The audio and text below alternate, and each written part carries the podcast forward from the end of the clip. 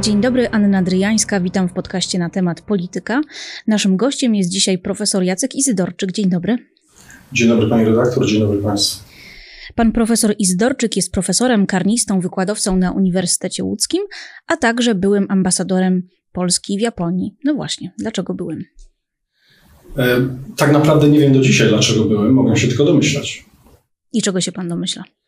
No, jak już pewno część e, widzów wie, sprawa stała się medialna pierw w czerwcu ubiegłego roku w związku z moim odwołaniem, a w tym roku w styczniu z uwagi na publikację Onetu i skandal, który miał miejsce w Japonii. To może ja tutaj przerwę, że chodzi o incydent w świątyni w Kamakurze.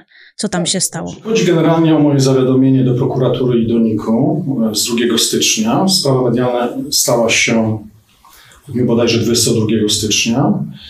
Publikacje rzeczywiście skupiły się na tym incydencie, natomiast e, zawiadomienie zawiera wiele opisów dotyczących łamania prawa, w tym przestępstw. Przez ośmiu urzędników e, MSZ-u na czele z dyrektorem generalnym MSZ, papieżem. Przez RZ.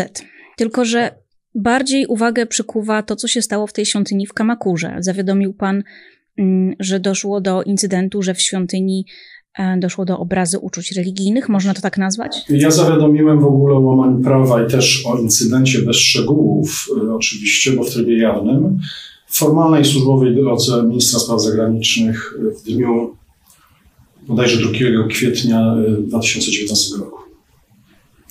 Nic się nie działo. Dopiero właśnie ta burza medialna powstała po moim zawiadomieniu. Natomiast no, najważniejsze jest łamanie prawa, bo incydent świątyni jest tylko efektem. To jest tylko efekt, skutek bezkarności tego urzędnika, który de facto sprawuje kierownictwo w MSZ. Czyli twierdzi pan, że pan Czaputowicz, pan minister Czaputowicz de facto nie jest ministrem?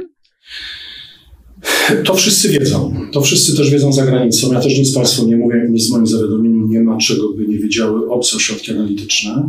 I to można nawet dostrzec czytając internet. Zresztą e, Czaputowicz nawet nie ukrywa tego, bo nawet w rozmowach e, ze średniego szczebla urzędnikami MSZ-u mówi, że on nic nie może. Nie on decyduje. Jest to sytuacja wręcz nieprawdopodobna. E, on nawet ze mną nigdy nie rozmawiał. Jako ja byłem ambasadorem, on pełnił funkcję ministra. Była przecież pierwsza od 12 lat wizyta ministra spraw zagranicznych Japonii. Nawet ze mną raz nie rozmawiał. Nie odpisał mi na żadne pismo. Nawet nie, nie ukrywa, że jest takim ministrem Matrixem. No ale jak minister mógł nie rozmawiać z ambasadorem? Ja rozumiem, że Japonia jest daleko i to nie jest taki kraj jak Niemcy czy Wielka Brytania, z którym mamy jakieś bliskie, ożywione kontakty, no ale jak, jak to w ogóle jest możliwe? Japonia jest daleka, ale to jest bardzo ważny kraj e, dla Polski z uwagi na bezpieczeństwo i interesy gospodarcze. Więc odległość geograficzna nie ma tu znaczenia. Natomiast no to by należało zapytać yy, tej osoby, Proszę mi wierzyć, w języku ludzi cywilizowanych nie ma słów, żeby określić tę osobę. Chodzi o Andrzeja Papieża. Znaczy, teraz mówię o Czaputowiczu, natomiast y, osoby papieża opisałem też szczegółowo zawiadomieniu. I co pan mu zarzuca oprócz y, tego symulowania, obmywania genitaliów w świątyni? No przede wszystkim y, szereg działań, które polegały na jawnym łamaniu prawa, również na przestępstwach jego i podległych mu urzędników. Moje zawiadomienie dotyczy osób, co do których są jasne dowody, jestem karnistą, jasne dowody wynikające z dokumentów urzędowych również MSZ, przede wszystkim. Mhm. No ale jakby miał to Pan przy, przybliżyć mnie i naszym widzom e, tak konkretnie, tak bardziej przyziemnie, na czym polegały te przestępstwa? Ukradli coś, zabili kogoś? Jeżeli chodzi o moją osobę, to de facto e, wysłanie korespondencji służbowej w połowie lipca, która stwierdzała, że nie jestem ambasadorem od 1 lipca, pomimo tego, że decyzja prezydenta była z dniem 31 lipca, czyli de facto odsunięto mi odpowiednią urzędu. Wiem również, i są inne zawiadomienia dotyczące działań papieża, że on w formalnych pismach urzędowych wysyłał e, innym ambasadorom, że ich odwołuje bez decyzji prezydenta. Czyli tej osobie nie wystarczyło to, że w Pałacu Prezydenckim godzą się na wszystko, co, co on chce, ale również, żeby, nie wiem, poczuć się lepiej, on wysyłał na drukach urzędowych, drukach dyrektora generalnego MSZ odwołania ambasadorów. Oczywiście całkowicie bezprawne, do tego dyrektor generalny jest uprawniony, to jest po prostu główny kadrowiec, nic więcej. No, główny kadrowiec, ale z tego, co pan mówi, e, faktyczny minister. Tylko tutaj może się pojawić pytanie, no dobrze, no, przestępstwa, wadliwie odwołał, nie dopełnił procedur. Co to kogo tak naprawdę obchodzi, że się w tym pisie tłuką jedni z drugimi? Znaczy, to, to tak pani redaktor nie jest. Ja tego nie postrzegam jako nie wiem, jakaś wojna w PiSie, bo de facto PiS nie kontroluje MSZ-u. Co więcej, podejrzewam, że większość e, członków i sympatyków PiSu nie ma o tym pojęcia, że PiS nie kontroluje MSZ. Dobra zmiana w MSZ zakończyła się dwa lata temu, w momencie, kiedy Czaputowicz objął kierownictwo resortu. Bo pana powołał minister Waszczykowski. Tak, ale to nie chodzi o to, kto powołał, tylko co robi. Wtedy minister Waszykowski wprowadzał taką reformę, że nowe osoby pojawiały się w MSZ. Głównie chodziło o stanowiska ambasadorskie i to byli profesorowie znający się na konkretnych krajach, byli kierowani. I pan był jedną z tych osób. Tak, ja byłem e, właśnie tutaj z uwagi na to, że studiowałem w Japonii, napisałem książkę o prawie i kulturze Japonii. Miałem też wiele publikacji, znałem bardzo dobrze ten kraj, kulturę, obyczaje, więc e, dostałem taką propozycję. Czyli pan nie był w PiSie? Albo nie był jakoś w kręgach PiSu? Nigdy nie byłem członkiem żadnej partii politycznej, nigdy nie pełniłem żadnego urzędu państwowego. Całe życie pracowałem na uniwersytecie. Jestem też adwokatem, oczywiście działalność zawiesiłem w momencie, jak zostałem mianowany ambasadorem. I co, nie zapaliła się panu taka czerwona lampka, że mm, no dobra, chcą robić rewolucję, ja mam przyjść w ramach tej rewolucji, a rewolucje wiadomo co robią. Pożerają własne dzieci. Ja nigdy nie ukrywałem, że mam konserwatywne poglądy i też wierzyłem jak najbardziej w szczere intencje co do reformy i zdawałem sobie sprawę, że MSZ jest tym jednym z najtrudniejszych kierunków do reformowania. I autentycznie, proszę mi wierzyć, wtedy było czuć tę reformę. Zarówno podczas szkoleń w Warszawie, w MSZ przed wyjazdem, około półrocznych, jak i po objęciu placówki 30 marca 2017 roku w Tokio, czuć było tą e, reformę i zmianę. Takie przewietrzenie kadr? O to chodziło? E, sama zmiana już dużo robiła, bo na przykład pokutuje takie pojęcie, też wiem w obozie Zjednoczonej Prawicy, że MSZ jest niedoruszony. Jest to nieprawda. MSZ tak działa z uwagi na indolencję decydentów. Tylko i wyłącznie. Wystarczy, żeby była jedna, kilka osób odważnych na stanowiskach i e, MSZ zacznie działać. No przecież minister Waszczykowski nie był żadnym killerem e, e, urzędników, że się tak wyrażę. Natomiast czuć było te zmiany, proszę mi wierzyć. No ale potem przyszedł minister Czaputowicz i sytuacja się zmieniła. Jak? E, tak, znaczy, no ja też, to też jest ciekawe, no bo ja byłem w Tokio, byłem daleko, więc byłem swoimi obowiązkami, byłem daleko od centrali, więc ja to mogłem tylko obserwować po części w drodze służbowej, po części e, również poprzez media. Zmiana głównie polegała na tym, że w momencie objęcia stanowiska formalnie przez Czaputowicza e, rozpoczęła, rozpoczął się swego rodzaju sabotaż bierny, przynajmniej ambasady w Tokio Natomiast mm, jak papież został dyrektorem generalnym, bo pierw został mianowany przez Czaputowicza wiceministrem, to był bodajże kwiecień 18 roku, a dyrektorem generalnym został w październiku 18 roku, no to wtedy zaczął się już sabotaż czynny. Coś nieprawdopodobnego. MSZ kraju, który wysyła ambasadora, dokonuje czynnego sabotażu pracy ambasady i ambasadora. Na czym polegał ten sabotaż i jaki pan e, papież miałby mieć w tym interes? Bo trudno sobie wyobrazić, żeby to robił, bo ma takie hobby, żeby komuś wkładać kij w szprychy. Myślę, że hobby też ma. To jest taka, takie moje spostrzeżenie, również wynikające z zawodu, który wykonuję, że zajmuję się prawem karnym i również takimi ludźmi. E, pierwszy cel to chyba było e, usunięcie tych nowo mianowanych ambasadorów Natomiast. Czyli nie tylko pana? Nie, nie tylko mnie. Natomiast y, no, zetknięcie ze mną w Tokio, bo pierwszy jechałem zupełnie nielegalną e, kontrolę, którą nawet nie nazwali, nijak nie nazwali, ani to kontrolę nie wiadomo, co to było zupełnie nielegalne działania. Potem, bez żadnego trybu. Bez żadnego trybu, bez żadnego dokumentu, bez żadnego oparcia w prawie. Dopiero potem wysłano kontrolę przewidzianą w prawie.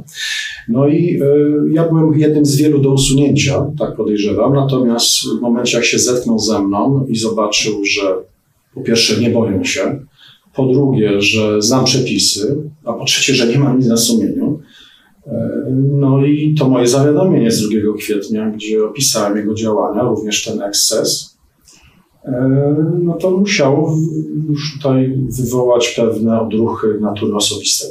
Mhm. To o jakich krajach oprócz Japonii, o ambasadorach, e, w których krajach mówimy? Nie znam szczegółów, jeżeli chodzi o Włochy. Ambasador e, w Rzymie, po prostu podał do misji, tam różne historie krążyły w Zjednoczonej Prawicy, różne plotki słyszałem. Natomiast o, o działaniach stricte bezprawnych wiem, jeżeli chodzi o Finlandię i Czechy. Mianowicie Finlandia to w formie urzędowej właśnie w dokumencie odwołał ambasadora bez, papież odwołał ambasadora bez żadnej decyzji prezydenta. I również taka sytuacja miała miejsce e, w Czechach. E, również chyba bodajże w dwóch, dwóch pismach e, to samo uczynił bez żadnej decyzji prezydenta. Też jest ciekawe, bo jak Państwo wiedzą, była burza medialna z uwagi na zawiadomienie, które NSZ zgłosiło odnośnie ambasador w Czechach. To jest zupełnie kuriozalna sytuacja, żeby państwo, gdzie jest MSZ, wysyła ambasadora, kieruje MSZ zawiadomieniem do prokuratury, a ten ambasador urzęduje. To jest rzecz w ogóle niepojęta. To wynika właśnie z tej bezkarności tej osoby, że ona może na wszystko robić i nikt tego nie kontroluje. No tak, ja to wszystko rozumiem, tylko um, jesteśmy na kilka dni przed, przed wyborami prezydenckimi. Kampania jest coraz gorętsza. Um, pojawiają się takie newsy bardzo naładowane emocjonalnie i ktoś może powiedzieć, no okej, okay, odwołali kogoś bez papierka, przyjechali na kontrolę bez ważnych papierów, bez żadnego trybu. No ale dlaczego nas to powinno interesować? Nas powinno to interesować z uwagi na dobro naszego państwa. Bo MSZ, zresztą każde ministerstwo jest ważne, każdy urząd jest istotny, natomiast MSZ jest ministerstwem kluczowym.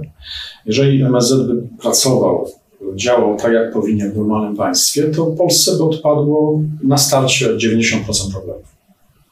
Pochylmy się przez chwilę nad y, kwestią tej wymiany na Twitterze, mm, bo najpierw pani y, europosłanka Mazurek nazwała TVN wojskowymi służbami informacyjnymi. Denerwowała się, że Trzaskowski y, właśnie tam, między innymi tam będzie prowadził swoją konferencję, swoją debatę.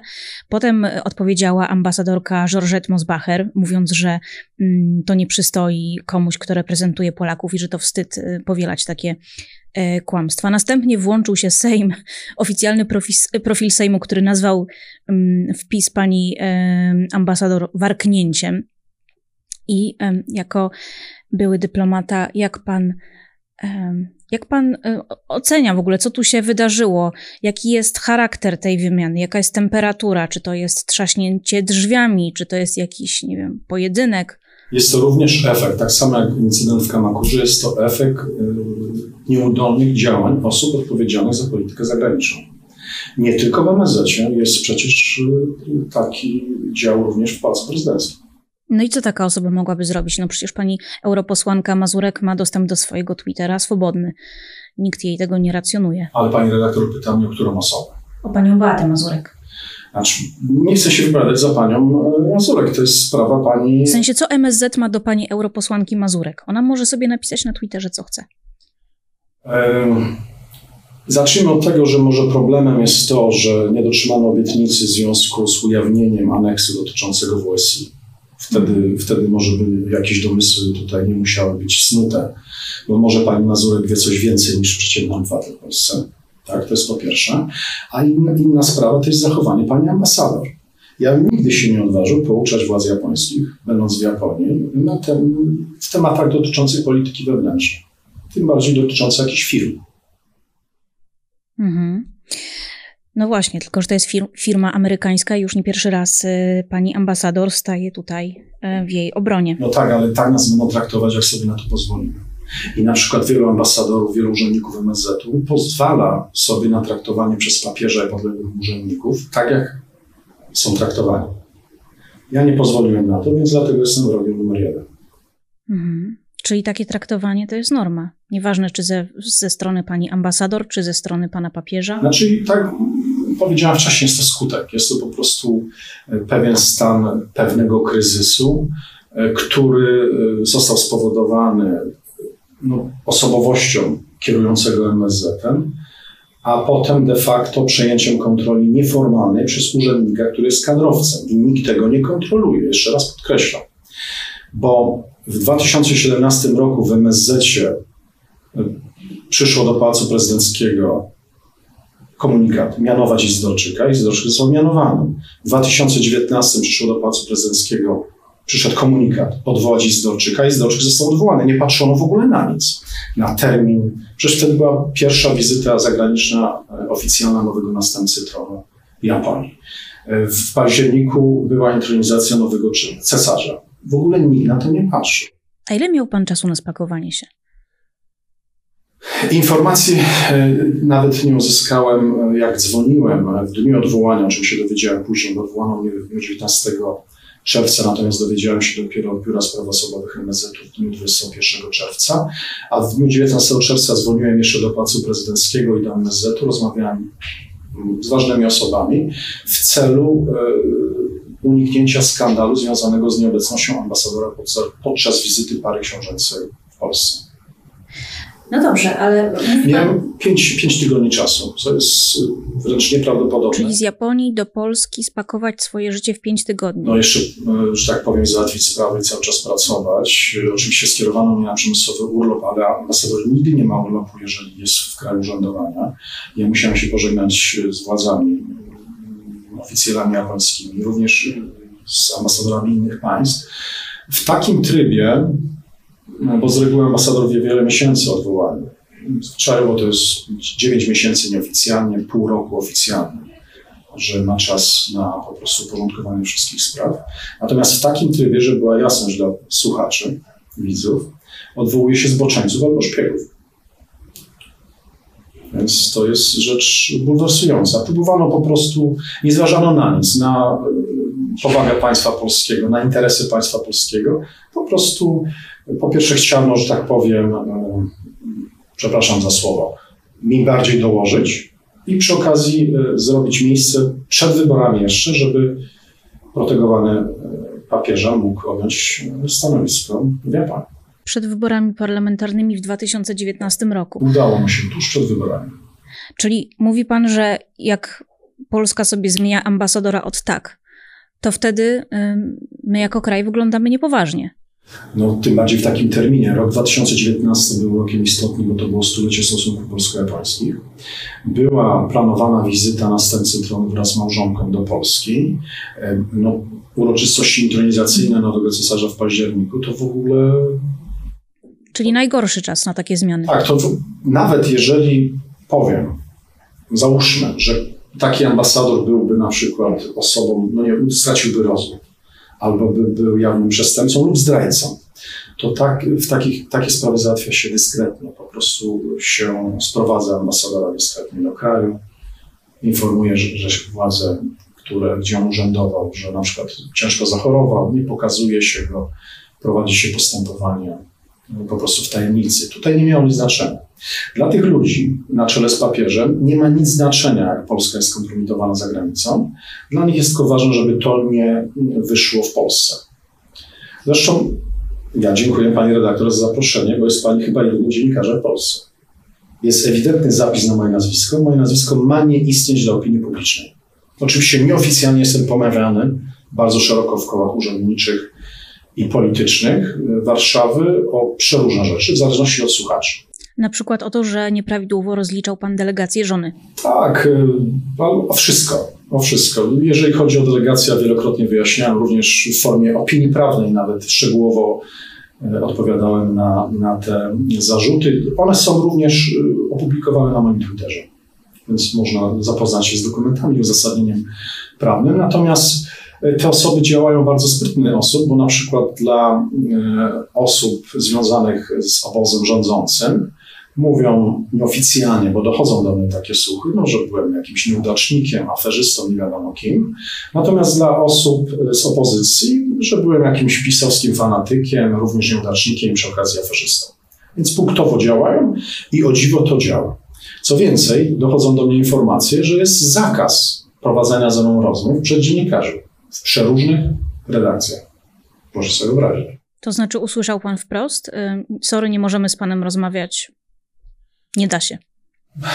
Mniej lub bardziej pośrednio słyszałem od, od różnych, różnych osób, co jest o tyle zdumiewające, że przecież to dotyczy tak istotnej sprawy, no bo chodzi o politykę zagraniczną, funkcjonowanie MSZ-u i również funkcjonowanie Kancelarii Prezydenta w zakresie spraw międzynarodowych. Więc to jest bardzo istotna rzecz. No tylko jak popatrzymy na tematy kampanii prezydenckiej, która się obecnie, obecnie toczy, to polityka zagraniczna jest na szarym końcu tego wszystkiego. No właśnie, to też myślę, może to zabrzmieć nieskromnie, ale myślę, że również to jest moja zasługa, że jest zapis na Izdolczyka i żeby nie tykać polityki zagranicznej. E, mówi pan, że te wszystkie odwołania ambasadorów z różnych państw e, odbywały się w sposób półprawny, bezprawny. Czy wy po prostu, jako, przepraszam, że tak na wy do pana mówię, ale mówię do pana jako reprezentanta ambasadorów, nie mogliście powiedzieć, nie, sorry, ten papier się nie liczy, to nie jest ważne, ja się nie dam odwołać czymś takim. Potrzebna mi jest decyzja prezydenta. W końcu była decyzja prezydenta, więc tutaj nie ma co dyskutować decyzją prezydenta, natomiast nie było żadnych e, rozmów. Ja sobie nie wyobrażam takiej sytuacji, że głowa państwa, e, która sama powołała danego ambasadora, nawet nie chce zapytać, o co chodzi. Wszystkie sprawy załatwiał, według mojej wiedzy, pan minister Szczerski. I pan minister Szczerski miał dokładne informacje. Ja również po powrocie informowa informowałem z Japonii w drodze służbowej, również informowałem w drodze nieformalnej przedstawicieli obozu Zjednoczonej Prawicy.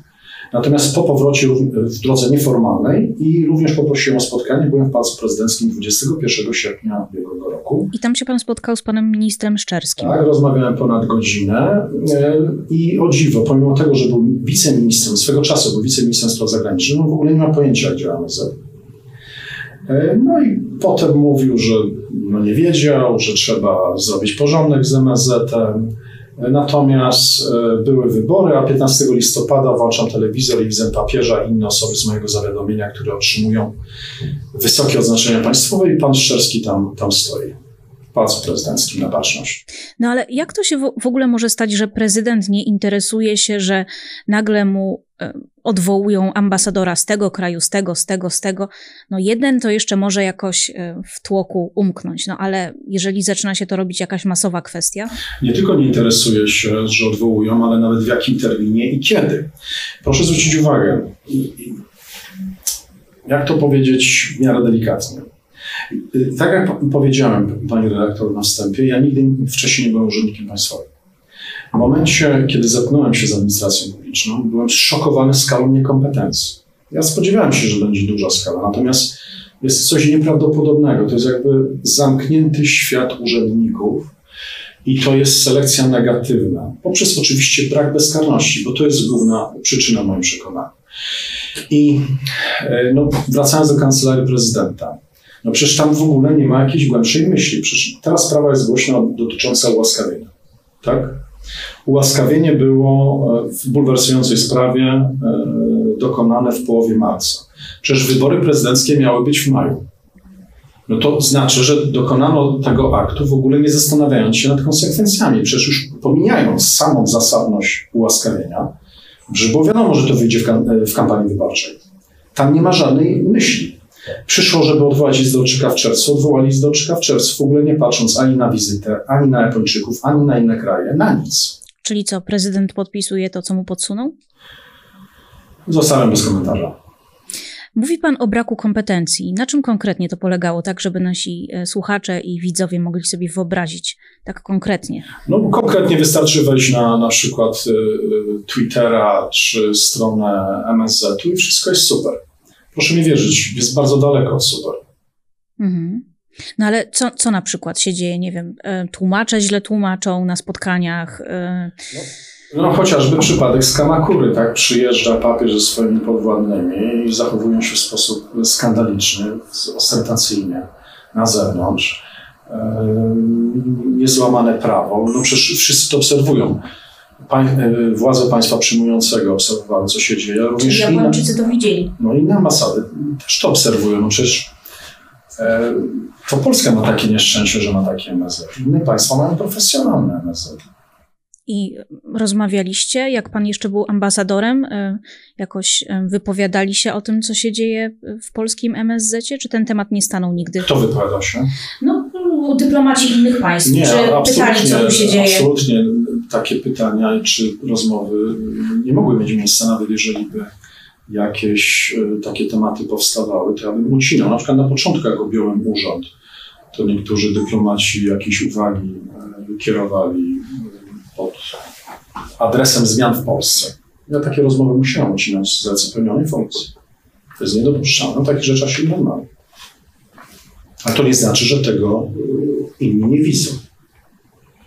I wyciągają wnioski. Oczywiście. I co w związku z tym? Coś się dla nas zmienia jako dla kraju? No, Polska nie, nie może być traktowana jako poważne państwo, jeżeli są e, niepoważni ludzie zajmujący ważne stanowiska. No bo jeszcze raz powtarzam, nie ma jednego decydenta, który by powiedział stop. No przecież tu wystarczy jedna osoba na stanowisko. Proszę zwrócić uwagę na przykład na stronie internetowej Ministerstwa Spraw Zagranicznych. Zobaczcie, jak wygląda kierownictwo NZ. No przecież no nie da, staram się jak najdelikatniej ująć to słowa, ale przecież jest to kierownictwo w dużym stopniu wirtualne. Mamy wirtualnego ministra, mamy wiceministrów, tam mamy trzech trzydziestolatków, z czego dwóch publicznie mnie obrażało, jak wybuchła afera z papieżem w styczniu. Mamy jednego wiceministra trochę starszego, który wygląda ciągle jakby się bał. I się, nie wiem, chyba się boi, bo na Komisji Spraw Zagranicznych w Sejmie na przykład pytał dyrektora BSO, co ma odpowiadać na pytania posłów. Są te nagrania dostępne w internecie. Oni mówią nic innego, to jest wszystko w internecie. No i mamy ministra Langa, który jest wieloletnim przyjacielem papieża i papieża, który kieruje ministerstwem. I to jest MSZ. I ma pani kancelarii prezydenta, gdzie zajmuje się sprawami międzynarodowymi, tylko Szczerski. I no de facto matrixowy minister, E, jeżeli chodzi o MZ, matrixowy minister, jeżeli chodzi o kancelarię prezydenta i mamy e, papieża plus jego osobowość, czyli zupełne lekceważenie prawa, norm etycznych, obyczajowych itd. Tak I mamy mieszankę wybuchową.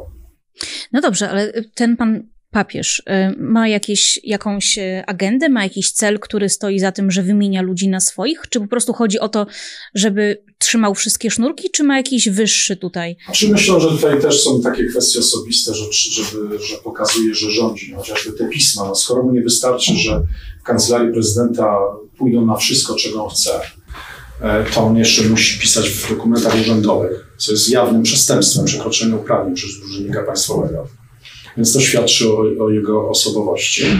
Natomiast no, jest swego rodzaju grupa i e, no, można się domyślać, e, to osoby kompetentne powinny sprawdzić, na czym polegają te, te powiązania. Natomiast chciałbym podkreślić, sytuacja, kiedy grupa kolegów, urzędników, de facto średniego szczebla w MSZ-cie, prowadzi do natychmiastowego odwołania ambasadora, łamiąc przy tym wielokrotnie prawo, no to jest sytuacja wręcz świadcząca o tym, że mamy do czynienia z jakimś bantustanem. Jest to kryminał.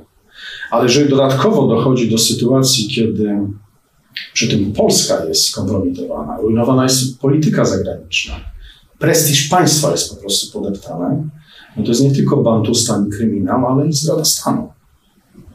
Przerażające jest, że nikt z decydentów nie zdaje sobie sprawy o wadze, wadze no, tego zjawiska, które występuje w MSZ. Dobrze, panie ambasadorze, ale nawet biorąc wszystko to, co pan mówi za dobrą monetę, przyjmując, że podobna sytuacja miała miejsce w innych państwach, no to ktoś może pomyśleć, pewnie spora część naszych widzów, no dobrze, facet miał stanowisko, nie ma stanowiska, jest rozgoryczony i teraz się będzie żalił w mediach. Życie. Można tak powiedzieć, wiem, że tak za kulisami jest e, mówione na mój temat. Natomiast e, no ja znam przepis e, w naszym państwie na utrzymanie stanowiska przysłowiowego stołka. Wystarczyło, że jako urzędujący ambasador podniósłbym laru, głośno bym krzyczał i prawdopodobnie daliby mi spokój, bo były też inne sytuacje, inne ambasady. Może, nie wiem, czy jest sens wymieniać, ale też... Może stolice chociaż. Paryż na przykład. I e, głośne podniesienie larum e, powoduje, że oni po prostu e, by przestali. No i dlaczego pan tego nie zrobił? Ja tego nie mogłem zrobić jako ambasador państwa polskiego z tego powodu, że kompromitował to państwo. Nie, robiłem wszystko w drodze nieformalnej, służbowej, żeby sprawę wyjaśnić. Natomiast też mnie zaskoczono samym odwołaniem. Ja nie wiedziałem, że jest wniosek o odwołanie. Więc jeszcze raz chciałem podkreślić, ja nie mogłem tego robić jako ambasador. Nie mogłem kompromitować państwa polskiego. No i z przerażeniem zobaczyłem, że dla drugiej strony nie ma znaczenia nic po prostu, tylko liczy się tutaj efekt, skutek tych działań. A miał pan jakieś złudzenia, że chodzi o coś więcej niż o wymianę kadrową, TKM, teraz my? Obejmując stanowisko ambasadora? Tak. tak, oczywiście. Głęboko wierzyłem, że chodzi o zmiany. Zresztą e, ja tutaj nie chcę pisać lauret ministrowi Waszykowskiemu, natomiast proszę mi wierzyć, to była pierwsza autentyczna zmiana w MSZ od 30 lat.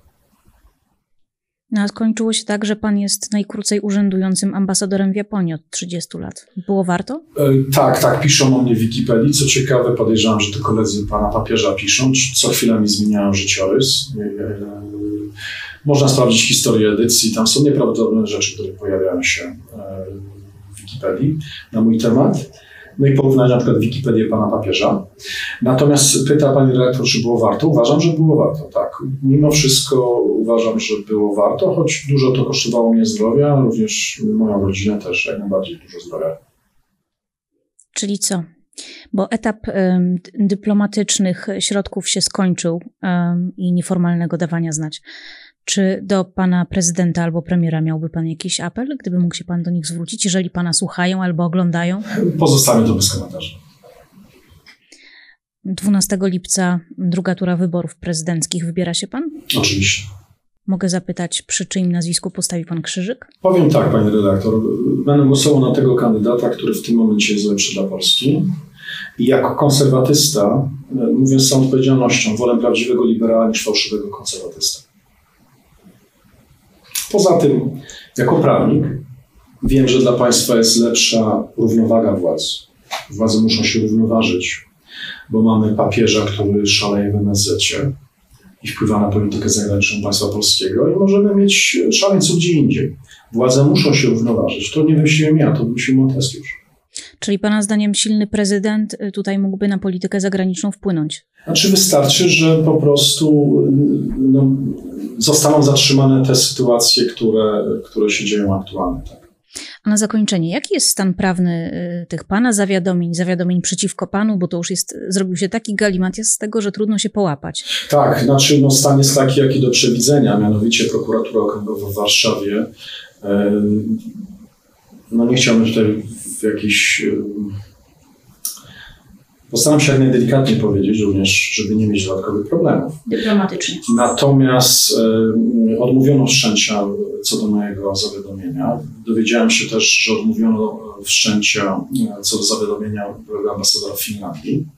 E, ja jestem na etapie, z, złożyłem trzy zażalenia, bo tam robiono takie czary-mary e, prawnicze, że aż trzy zażalenia e, musiałem złożyć.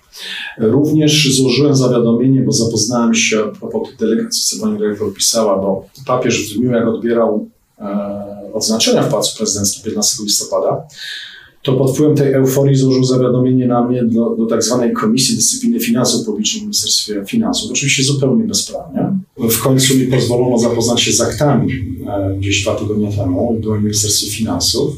No i pod wpływem e, lektury tych akt złożyłem kolejne zawiadomienie E, no bo tam oparto się, tak samo jak w prokuraturze, na opinii MSZ-u. To jest w ogóle nieprawdopodobna procedura. Czyli strony zainteresowanej. Tak, no ale KPK no, to, to jest coś niebywałego z punktu widzenia karnisty. Muszę panu uwierzyć na słowo.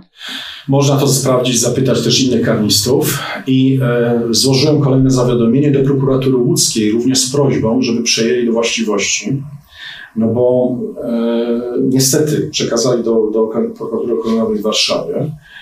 E, ale dlaczego? Dlatego, że przeciwko mnie e, spostrzegłem, że jest po prostu kreowany taki e, scenariusz totalitarny. Mianowicie, co do mojego zawiadomienia w prokuraturze okręgowej warszawskiej była cisza. Natomiast w międzyczasie wszczęto postępowanie z zawiadomienia podobno papieża E, ja byłem przesłuchiwany jeszcze w charakterze tylko świadka. O, proszę sobie wyobrazić, fałszywe zawiadomienie o przestępstwie i znieważenie funkcjonariusza publicznego. Więc jak ja się o tym dowiedziałem, natychmiast e, poprosiłem o interwencję Rzecznika Praw Obywatelskich. No widziałem, że idzie scenariusz stricte totalitarny. Więc no niestety tu też muszą być chyba decyzje polityczne o zgrozo, co mówię, skoro prokuratura okręgowa w Warszawie tak działa. Czyli pana zawiadomienia jakoś sobie tam leżą e, nierozpatrzone? No, są rozpatrzone, ale czekają teraz, zażalenie było do sądu właściwego do rozpoznania sprawy. Ale nic konkretnego z tego nie wynikło? No. A zawiadomienia przeciwko panu? No zawiadomienie, tak jak mówię, wszczęto postępowanie od razu. I ja byłem przesłuchiwany w charakterze świadka i mm, tam są czyny, tak jak powiedziałem, zawiadomienie o przestępstwie, którego nie było, fałszywe zawiadomienie oraz e, to drugie znieważenie funkcjonariusza publicznego. Co jest wręcz niebywałe, bo to jest tak, mówię, to jest scenariusz totalitarny. Jeżeli obywatel zawiadamia o przestępstwach funkcjonariuszy publicznych, no to jemu się robi e, postępowanie. W scenariuszu pesymistycznym co panu grozi? Ja powiem tak, ja nie mam nic na sumieniu, więc e, nie boję się, też nie jestem za bardzo strachliwy. I tutaj chyba dlatego stałem się takim problemem dla wielu osób, e, no bo z moich obserwacji wynika, że oni właśnie działają wobec osób, chociażby innych ambasadorów, bo też obserwują, co się dzieje, wszyscy się pochowali pod kamieniem. Z całym szacunkiem, ale to są ambasadorowie, oni nie powinni się tak zachowywać. Natomiast działanie polega na tym, że wybiera się osobę, która się boi, która nie zna przepisów i która ma coś na sumieniu. No a pan zna przepisy, ale wie pan też dobrze, że prawo można interpretować w bardzo elastyczny sposób. Im mniej demokracji w demokracji, tym większa ta elastyczność. Więc co panu grozi z tych paragrafów? No różne mogą być scenariusze, natomiast e, ja jestem osobą o nieposzlakowanej opinii i e, proszę zwrócić uwagę, Chciałem to podkreślić. Ja do dzisiaj mam wszystkie poświadczenia bezpieczeństwa wydane przez służby przed wyjazdem. Nie wiem, czy teraz na przykład nie będą próbować po tym wywiadzie mi cofnąć, natomiast e, no nic na mnie e, nie mieli. Nic na mnie nie mieli, nic na mnie nie mają. E, oczywiście cały czas muszę być ostrożny. Ja nawet nie przechodzę na czerwonym świetle, przechodzę przez pasy, tylko przejście dla pieszych. E, cały czas przestrzegam przepisów, ale jest tutaj też może a propos tego, tej sytuacji ważny aspekt, który może interesować e, dużą część e, pani redaktor słuchaczy, czyli moje kandydowanie do Izby Dyscyplinarnej. No właśnie, to zostawiałam sobie na koniec. Po co w ogóle skandydować do czegoś, co CUE nazwał niesądem? Znaczy, żeby była jasność, ja uważam, że sądownictwo powinno być reformowane, tylko y, może nie w taki sposób. Tylko efekt jest taki, że postępowania trwają dłużej niż przed tak zwanymi reformami. Ale wrócę do pytania pani redaktor. Co to w ogóle się wydarzyło? Bo... No właśnie, dlaczego pan kandydował? Bo pan twierdzi, że nie jest związany z PiSem, że nie ma pan tutaj z partią nic wspólnego, a jednak taka, ja takie kandydowanie jest już trochę taką deklaracją. Nie znam żadnego sędziego Izby Dyscyplinarnej, natomiast znam wielu sędziów, no, może kilku sędziów e, z tych tak, tak zwanych starych sędziów. Ale to nie ma znaczenia. W każdym razie e, ja się dowiedziałem o, o naborze tuż przed powrotem do Polski, czyli jakaś druga połowa lipca 2019 roku. I ja wiedziałem już wtedy, że jest zapis na moje nazwisko i moje nazwisko ma istnieć dla opinii publicznej. Natomiast w międzyczasie cały czas byłem pomawiany o najgorsze rzeczy w kręgach politycznych, urzędniczych i tak dalej w Warszawie. I to jest bardzo ciekawe, że tak naprawdę chyba mało kto wpadł, dlaczego, dlaczego złożyłem swoje papiery. Główny powód jest taki, że kandydat na stanowisko sędziego Sądu Najwyższego jest prześwietlany całkowicie. Czyli chciał być pan prześwietlony? Tak. Tam nawet wyciąga się e, na przykład, nie wiem, zaparkowanie samochodu w miejscu niedozwolonym, wykroczenia, wszystko. A tak? Wszystko. Czy jest skarany za wykroczenia, czy jest skarany dyscyplinarnie, czy są prowadzone postępowania. Można sprawdzić zarówno w internecie protokoły, jak i nagrania, dokumenty, wszystkie KRS-u. Jestem czysty jak łza. Chodziło mi o to, żeby całemu światu pokazać, że nic nie mam na sumieniu, co mi się w pełni udało. Oczywiście ja wiedziałem, że się do Sądu Najwyższego nie dostanę, no bo skoro ma być zapis na moje nazwisko, to moje nazwisko nie może e, funkcjonować. Proszę zwrócić uwagę, jak wróciłem i złożyłem papiery, było głośno, że były ambasador kandyduje do Izby Dyscyplinarnej. No wszyscy kandydaci byli pokrótce opisywani. A natomiast potem było cicho sza. Nic nie było, nie pisano w ogóle o tych, co się nie dostali. Więc ja wiedziałem, że taki scenariusz idzie i wykorzystałem tą drogę, żeby pokazać całemu światu, że nie mam nic na sumieniu. To był dobry ruch? Uważam, że bardzo dobry. Co więcej, chyba o tym świadczy fakt, że mało kto zrozumiał ten ruch. Nie, no to chyba właśnie źle, skoro ludzie nie rozumieją ruchu, to... Wystarczy mi, że cały świat może zajrzeć w protokoły, wszyscy mogą wejść w internet, zobaczyć, jak, y, co mówiono na temat kandydatury na sędziego Sądu Najwyższego i Zdrowczyka. Nie ma nic, co by rzutowało, kładło cień w jakimkolwiek zakresie tą kandydaturę. Pana zdaniem jeszcze lepsza zmiana w, w MSZ jest możliwa? Uważam tak, że wszystko zależy od ludzi. Ja, znaczy to by zabrzmiało nieskromnie, ale ja wykonywałem swoje obowiązki, miałem stanowisko i miałem możliwości. Problemem jest, że osoby, które pełnią stanowiska, określone funkcje, nie, nie, nie wypełniają swoich obowiązków. Bo to nie jest tylko tak, że to jest przywilej, że jest pensja, limuzyna, e, bankiety i tak dalej. To są określone obowiązki. Te osoby nie wypełniają swoich obowiązków. No jak, jak wypełnia swoje obowiązki pan minister Szczerski? No przecież to jest, no nie chciałbym użyć jakichś słów mało dyplomatycznych.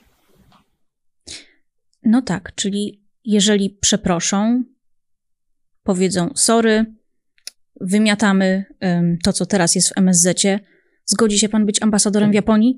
Co pan powie? Podejrzewam, że mam bardzo małe szanse, żeby być ambasadorem, w ogóle pracować w dyplomacji, z uwagi na to, że no, mam te cechy niepożądane przez e, aktualną administrację, od 30 lat tak to nazwijmy, aktualną, bo bez, bez znaczenia to jest, który jest rząd. No dobrze, ale gdyby papież przestał rządzić e, MSZ-em, tak jak pan mówi, i przeprosiliby pana, zaoferowali stanowisko z powrotem, to co by pan Ale ja nie wiem, czy się nadaje właśnie, żeby pełnić jakiś urząd państwowy z uwagi na to, że tak jak powiedziałem, po pierwsze nie boję się, po drugie znam przepisy i po trzecie nie mam nic na sumieniu, więc to jest yy, chyba... Nie mówi pan tak, nie mówi pan nie. Pani dyrektor, mówię, że niestety Polska jest w tak wielkim kryzysie, że takie cechy yy, no, w dużym stopniu uniemożliwiają objęcie jakiejkolwiek funkcji. Czyli nie wierzy pan w ogóle w taką propozycję? Nie, absolutnie nie wierzę. A wierzy pan w to, że kiedyś pan usłyszy przepraszam? Przepraszam. Przepraszam raczej nie, ale wystarczy mi, że osoby winne poniosą odpowiedzialność, bo przecież e, to jest szybszy aspekt. Ja na przykład informowałem w drodze służbowej, niejawnej, szyfrogramem pilnym. E, mówię o tym, bo te informacje nie są już niejawne w marcu 2019 roku, że Departament Azji i Pacyfiku MSZ-u na czele z dyrektorem nie jest w stanie utrzymać tajemnicy państwowej. Jaka była reakcja? Żadna, żadna reakcja. Po czymś takim powinno być wszczęte postępowanie albo wobec dyrektora Departamentu Azji, albo wobec ambasadora, który zawiadamia. Nie było żadnej reakcji.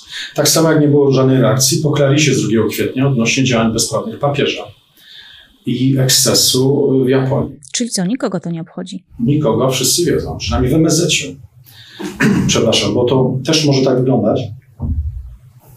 Tego też może, mogą słuchacze nie rozumieć, nawet niektórzy politycy Zjednoczonej Prawicy mogą tego nie rozumieć, że gro informacji w ogóle nie wychodzi poza MSZ. Widzimy tylko czubek góry lotowej.